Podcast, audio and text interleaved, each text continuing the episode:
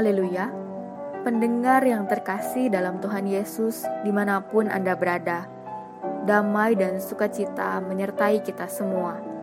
Renungan sauh bagi jiwa yang disajikan gereja Yesus sejati berjudul Beda Rancangan dan Jalan. Dalam nama Tuhan Yesus membacakan renungan firman Tuhan. Sebab rancanganku bukanlah rancanganmu, dan jalanmu bukanlah jalanku Demikianlah firman Tuhan. Seperti tingginya langit dari bumi, demikianlah tingginya jalanku dari jalanmu dan rancanganku dari rancanganmu. Yesaya pasal 55 ayat 8 sampai 9. Pada umumnya, kita tidak dapat bersabar menanti di dalam doa permohonan. Kita ingin Allah segera mengabulkan permohonan kita agar hati kita menjadi tenang tetapi ternyata rancangan Allah bukanlah rancangan kita. Jalan Allah bukanlah jalan kita. Dalam banyak perkara, Allah bertindak dengan perlahan-lahan.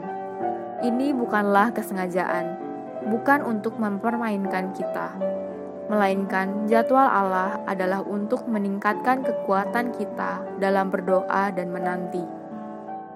Abraham menanti selama 25 tahun untuk mendapatkan Ishak anak yang dijanjikan. Yakub menanti selama 20 tahun, barulah dapat menang bergulat melawan Allah dan manusia di Peniel. Yusuf harus menanti selama 13 tahun, barulah dapat lepas dari penjara. Setelah menjadi mangku bumi Mesir, harus menunggu 9 tahun lagi untuk bertemu dengan Yakub ayahnya. Musa menunggu selama 40 tahun sebelum dipanggil memimpin bangsa Israel keluar dari Mesir. Dan 40 tahun lagi dia baru diperintahkan naik ke Gunung Pisga untuk melihat negeri Kanaan yang akan mereka masuki. Daud setelah diurapi harus menunggu satu masa sebelum naik ke tahta raja. Tuhan Yesus menunggu setelah berumur 30 tahun baru keluar memberitakan firman kerajaan sorga. Allah sering kali memakai waktu yang panjang untuk menggodok orang sebelum dia dipakai untuk mengendapi kehendaknya. Menanti walaupun lama, namun diperlukan. Walaupun menyusahkan, tetapi harus ada. Allah sering mengatur waktu dan tempat agar kita menanti dengan sabar. Sayangnya, kita malah sering menolaknya.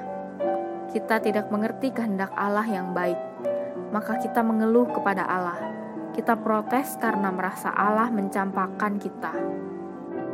Hanya saja, jadwal Allah bukanlah jadwal kita. Ada waktunya Allah mau kita maju. Ada waktunya Allah mau kita menunggu.